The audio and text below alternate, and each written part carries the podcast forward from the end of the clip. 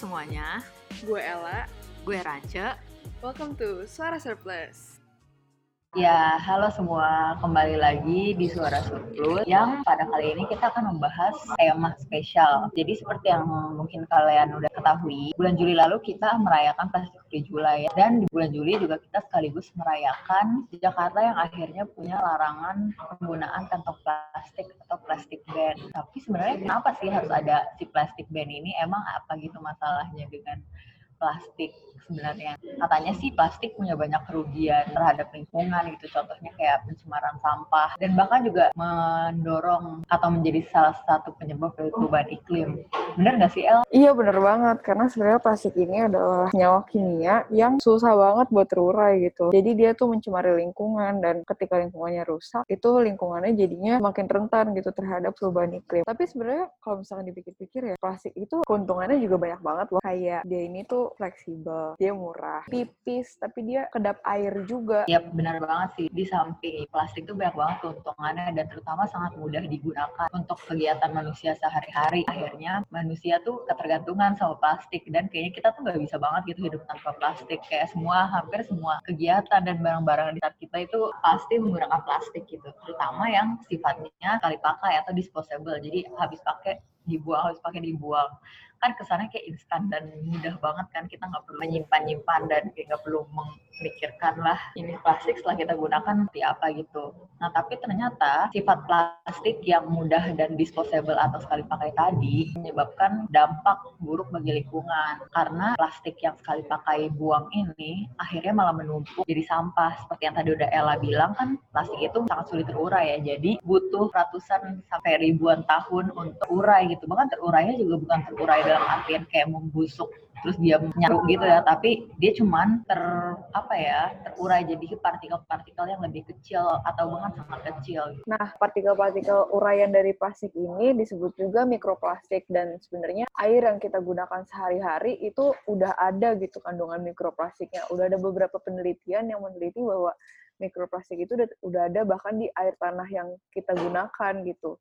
Kenapa bisa kayak gitu ya karena kita buang plastiknya ini tidak benar gitu. Dan plastik juga kayaknya made to be disposed. Kayak emang mereka tuh dibikin untuk dibuang gitu makin ke sini. Tapi sayangnya dibuangnya nggak benar. Yap, dan karena dampak itu juga banyak orang yang mulai akhirnya beralih ke gaya hidup yang zero plastik atau benar-benar mencoba untuk menghentikan penggunaan plastik sama sekali. Betul banget. Dan sebenarnya mikroplastik ini tuh bahaya banget buat kesehatan kita. Karena badan kita ini nggak kenal sama senyawa plastik. Ibaratnya itu adalah senyawa yang asing buat tubuh kita. Badan kita nggak tahu gimana cara untuk mencernanya. Itu bakalan jadi senyawa yang benar-benar toksik dan itu bakal jadi penyakit juga ke depannya. Bukan cuma untuk manusia aja sih, tapi untuk hewan juga gitu. Tuh tahu kan Cok ada yang paus makan plastik itu? Wah iya tuh bener banget.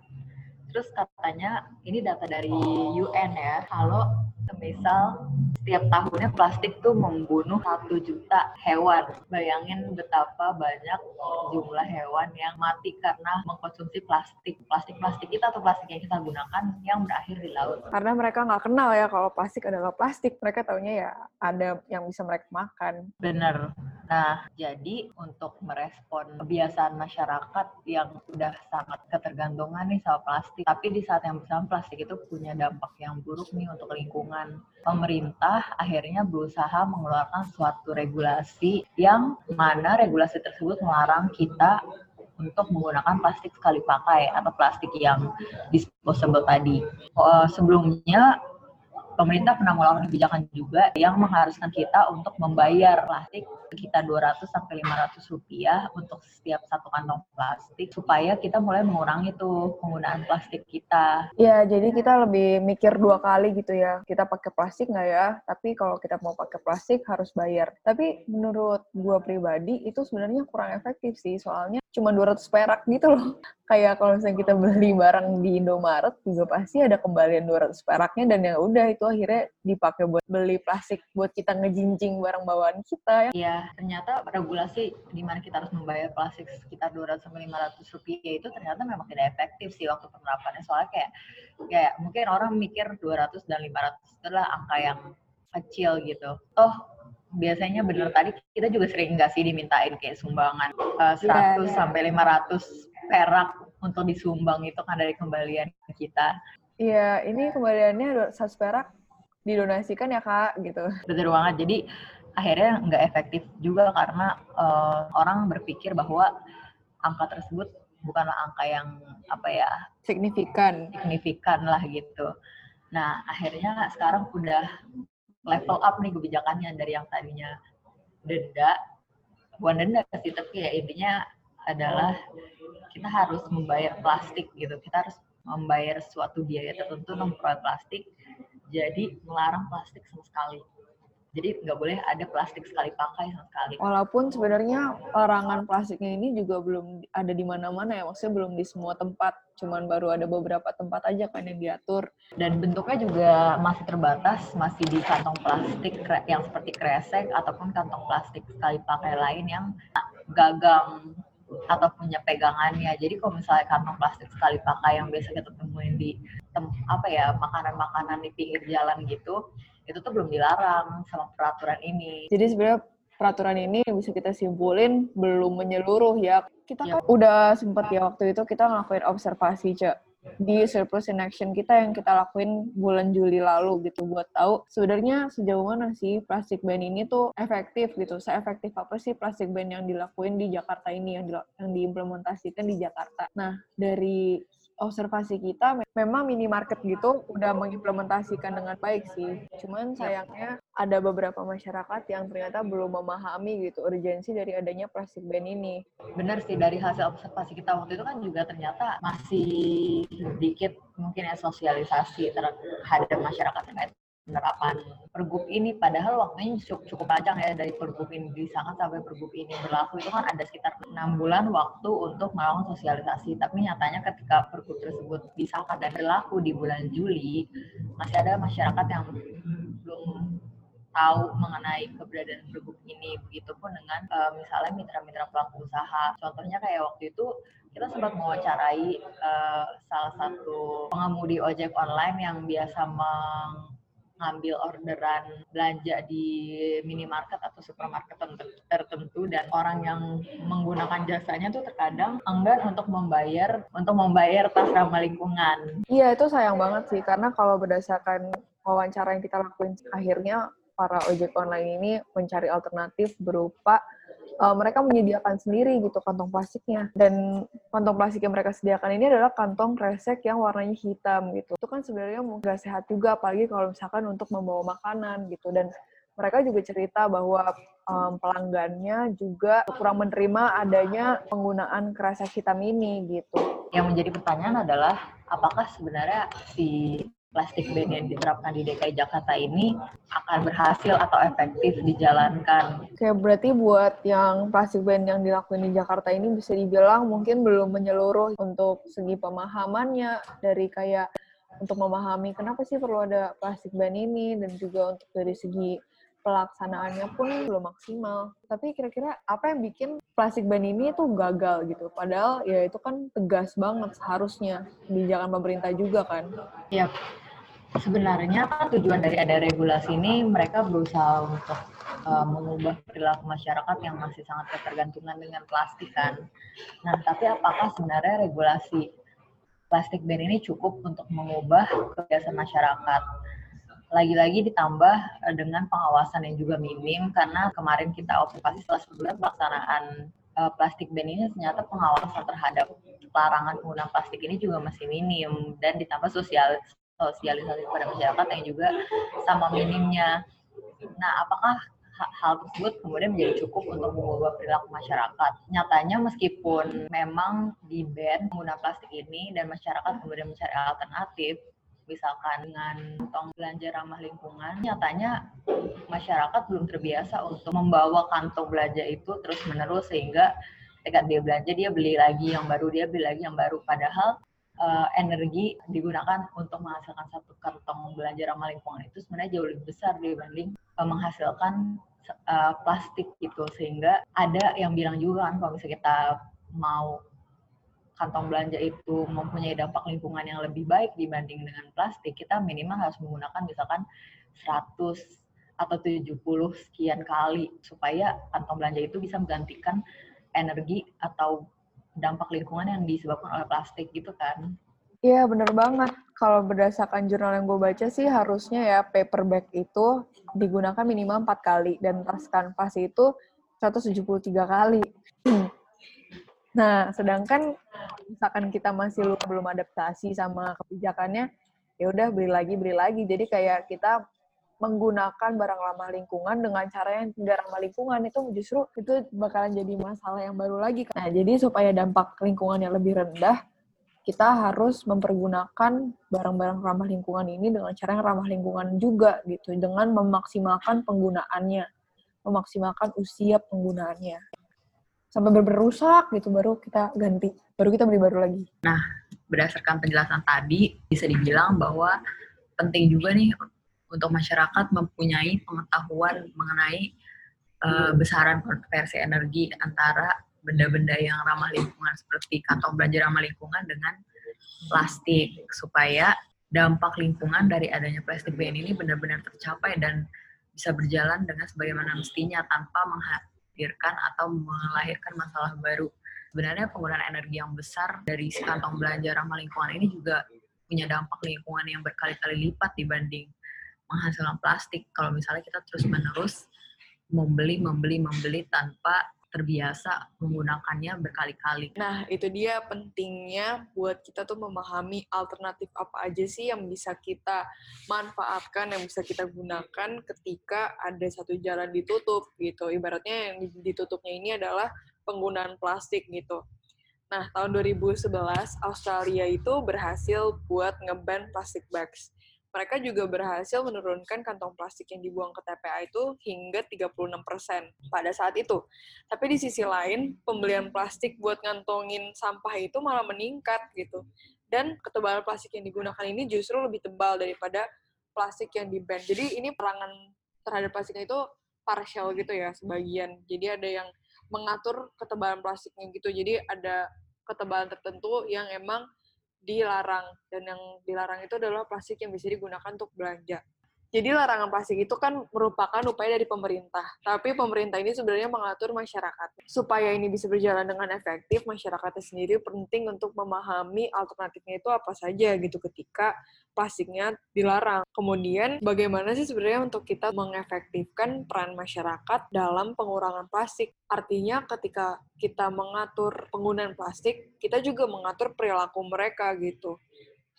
Di sini mungkin ada regulasi, tapi ketika tidak ada pencerdasan atau sosialisasi yang baik, kayak contohnya kasus yang uh, di pasar gitu atau kasus yang ojo ojek online yang tadi kita ceritain itu, artinya di situ kan mereka belum mendapatkan pencerdasan yang optimal gitu sehingga mereka belum memahami urgensinya itu apa dari adanya larangan plastik ini dan mungkin di situ ada penolakan terhadap larangannya. Jadi penting buat kita ningkatin awareness kita juga sendiri mengenai uh, apa yang kita mau lakuin sehari-hari. Jadi kita udah merencanakan dulu lah kita sehari mau ngapain aja. Jadi kalau misalkan emang kita di agenda yang kita mau lakuin ada belanja, ada agenda belanja, ya berarti kita harus menyediakan reusable bag yang akan kita gunakan. Gue sepakat banget sih sama yang tadi udah lo jelasin El dan sebenarnya uh, gimana sih caranya supaya plastik ban ini tuh gak cuma jadi peraturan formalitas aja yang melarang penggunaan plastik, tapi benar-benar mampu menjadi salah satu alat untuk menyelesaikan permasalahan uh, polusi plastik khususnya di DKI Jakarta. Nah, selain adanya regulasi dan pencerdasan terhadap masyarakat, ada juga nih satu hal penting yang sebenarnya bisa dilakukan sama pemerintah untuk mendorong efektivitas dari plastik ban ini. Apa tuh, Cek? Nah, jadi kalau misalnya kita melihat ya karakteristik orang Indonesia itu, uh, sebenarnya orang-orang Indonesia tuh kayaknya nggak bisa gitu ya, kayak langsung dipaksa gitu yeah, yeah. untuk melakukan sesuatu. Uh, atau mungkin uh, sebenarnya naluri kita sebagai manusia, kita cenderung untuk memutuskan suatu hal secara cepat dan berdasarkan insting. Oleh karena itu, meskipun ada larangan ya, kadang-kadang tuh secara insting atau secara refleks gitu ya kita tuh akan tetap memilih untuk menggunakan plastik karena kita sudah terbiasa dan kayak alam bawah sadar kita tuh memang mendorong kita untuk menggunakan plastik tersebut gitu. Karena kemudahannya juga kali ya, karena Iya. mudah digunakan, mudah diakses juga. Ya, jadi ya betul. Karena itu kan kita juga udah jadi sangat ketergantungan dan terbiasa. Nah, kita harus memutus nih rantai Kebiasaan. kebiasaan ini gitu dengan eh, melakukan apa yang disebut sebagai dorongan atau nudge ada di dalam behavior economics ya istilahnya yang memperkenalkan istilah ini dulu. Jadi nudge itu apa sih? Nudge itu adalah dorongan secara tidak langsung pada seseorang supaya seorang itu membuat keputusan terbaik dalam melakukan kesehariannya. Nah, keputusan terbaik yang kita maksud di sini adalah misalkan menggunakan barang-barang yang eh, dampak lingkungannya tuh lebih sedikit gitu dibanding plastik. Contohnya adalah alternatif-alternatif yang tersedia seperti tas belanja ramah lingkungan kayak gitu. Nudge ini contohnya tuh kayak gimana sih, Cak? Nah sebenarnya banyak sih contohnya enggak nggak harus di lingkungan juga tapi bisa di hal-hal lain. Sebenarnya banyak sih bentuk nudge atau dorongan yang bisa dilakukan dan nggak harus di lingkungan juga. Misalnya contohnya kalau misalnya ada di satu sekolah itu eh, tadinya anak-anaknya tuh lebih memilih untuk mengkonsumsi makanan yang tinggi lemak kayak daging eh, ataupun makanan-makanan yang misalnya karbohidratnya tuh tinggi gitu. Dan ternyata eh, dengan susunan makanan yang seperti itu, anak-anak di sekolah itu tuh banyak yang kemudian mengalami obesitas. Nah, akhirnya sekolah ini berusaha untuk mengubah pola makan anak-anaknya. Tapi mengubah pola makan itu bukan dengan cara kayak eh kalian semua nggak boleh ya makan daging Oh, iya. ataupun nggak boleh makan burger, hotdog, nasi dan segala macamnya. Tapi caranya adalah sekolah ini mengubah eh, urutan urutan ma- jenis makanan di kantinnya. Jadi yang tadinya di depan itu ada ikan, daging atau makanan-makanan yang eh, protein dan lemaknya tinggi terus baru sayur, akhirnya dia mengubah jadi misalnya sayur duluan di ujung yang di paling akhir dari tray urutan tray kantin itu adalah si daging dan makanan tinggi protein dan lemak tadi. Akhirnya si anak-anak ini akan mengambil sayur dulu lah, sayur atau Hmm. buah-buahan terlebih dahulu dan dia udah keburu mager atau males untuk ngambil daging ataupun makanan berkarbohidrat dan protein tinggi ataupun lemak tinggi yang udah ada di ujung dan akhirnya eh, anak-anak yang obesitas di sekolah itu bisa berkurang gitu jumlahnya melalui eh, dorongan tadi. Nah, itu salah satu contoh nudge. Jadi, kita berusaha untuk mengubah kebiasaan seseorang secara tidak langsung gitu. Nah, terus selain itu, contoh gampangnya itu bisa kayak misalnya kita pergi ke supermarket ya kan pasti ada beberapa produk yang tanggal kadaluarsanya tuh cepet gitu. Nah, ketika produk-produk tersebut sudah mendekati tanggal kadaluarsa, penempatan itu bisa ditaruh di depan. Jadi yang di, produknya ada di depan adalah produk yang tanggal kadaluarsa itu sebentar lagi habis gitu. Sehingga orang-orang ketika melihat rak produk tersebut akan mengambil uh, produk yang ada produk yang tanggal kadaluarsanya itu sudah dekat. Jadinya uh, itu akan berdampak pada misalnya pengurangan food waste gitu kan. Uh, karena kan produk-produk yang tanggal kadaluarsanya cepat dan belum dikonsumsi ini biasanya akhirnya dibuang gitu. Ini tuh bisa ngerubah kualitas hidup orang-orang sih tanpa upaya yang susah juga sebenarnya karena buat bikin nudge itu juga sebenarnya gampang dan kalau emang kita udah tahu mau bikinnya apa itu juga murah gitu loh. Karena ya udah paling nudge itu dibuat kayak cuman sekedar dengan susunannya aja mengubah susunannya atau kayak misalnya menambah kayak papan-papan gitu mungkin kalau misalkan dalam konteks pengurangan plastik gitu bisa juga dengan misalnya kita nempelin poster untuk mengingatkan masyarakat untuk membawa kantong belanja ramah lingkungannya sebelum mereka memasuki supermarketnya gitu. Waktu kita di Service in Action juga kita mendengar curhatan dari dua orang kasir gitu ya bahwa ada masyarakat juga yang justru menolak gitu dan mereka justru malah jadi marah karena adanya larangan plastik ini dan mereka merasa kurang diinformasikan.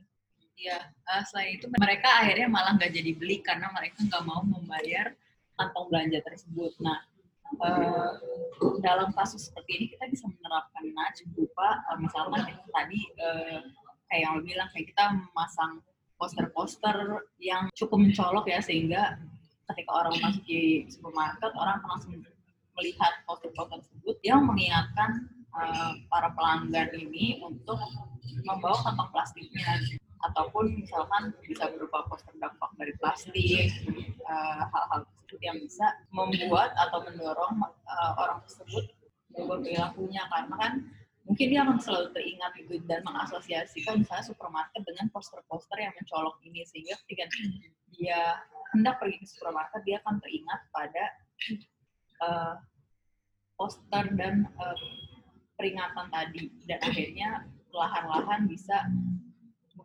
mengubah perilaku untuk terbiasa membawa kantong belajar ramah lingkungan.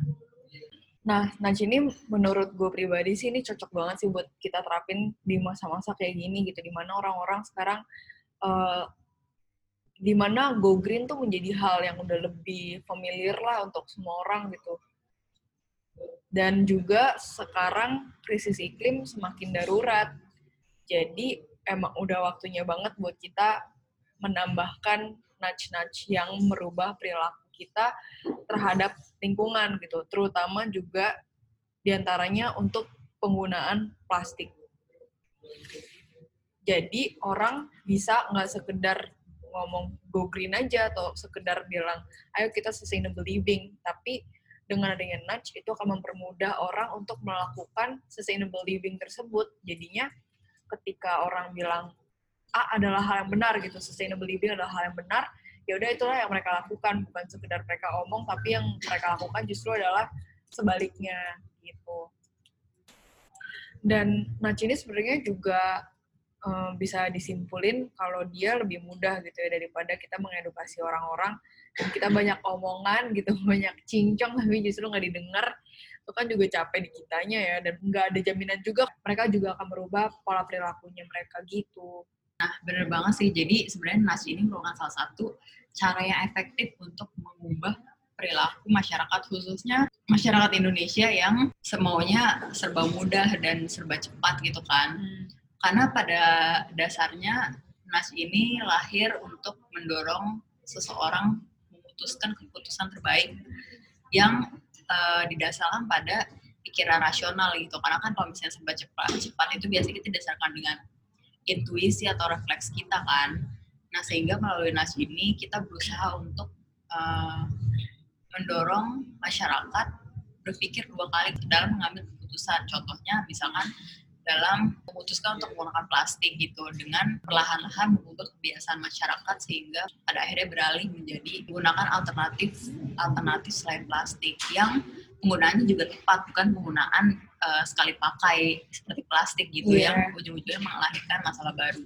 Jadi tentunya di samping adanya regulasi pelarangan plastik, di samping adanya pencerdasan atau sosialisasi, diperlukan juga nih uh, bentuk dorongan atau nas ini supaya pada akhirnya pengaturan atau kebijakan larangan plastik ini bisa benar-benar menyelesaikan permasalahan polusi plastik di DKI Jakarta. Nah, karena ini juga udah di akhir podcast, tapi gue mau nanya dulu nih ke Lucia. Menurut lu pribadi, di Jakarta sendiri, karena kebetulan kita kan ada di Jakarta gitu, di Jakarta sendiri, udah banyak belum sih atau udah ada belum sih nudge-nudge yang diadakan untuk mengurangi penggunaan plastik sendiri, terutama yang sekali pakai. Sebenarnya mungkin kalau secara masif itu kayaknya belum ada ya. Kita tuh masih cuma ada pemberitahuan kalau misalnya sekarang tuh plastik tuh plastik sekali pakai itu udah dilarang digunakan di Jakarta. Tapi kalau misalnya untuk dorongannya sendiri tuh kayaknya belum ada yang masif deh setahu gue. Mungkin kayak cuma pemberitahuan di gerai-gerai yang uh, terdampak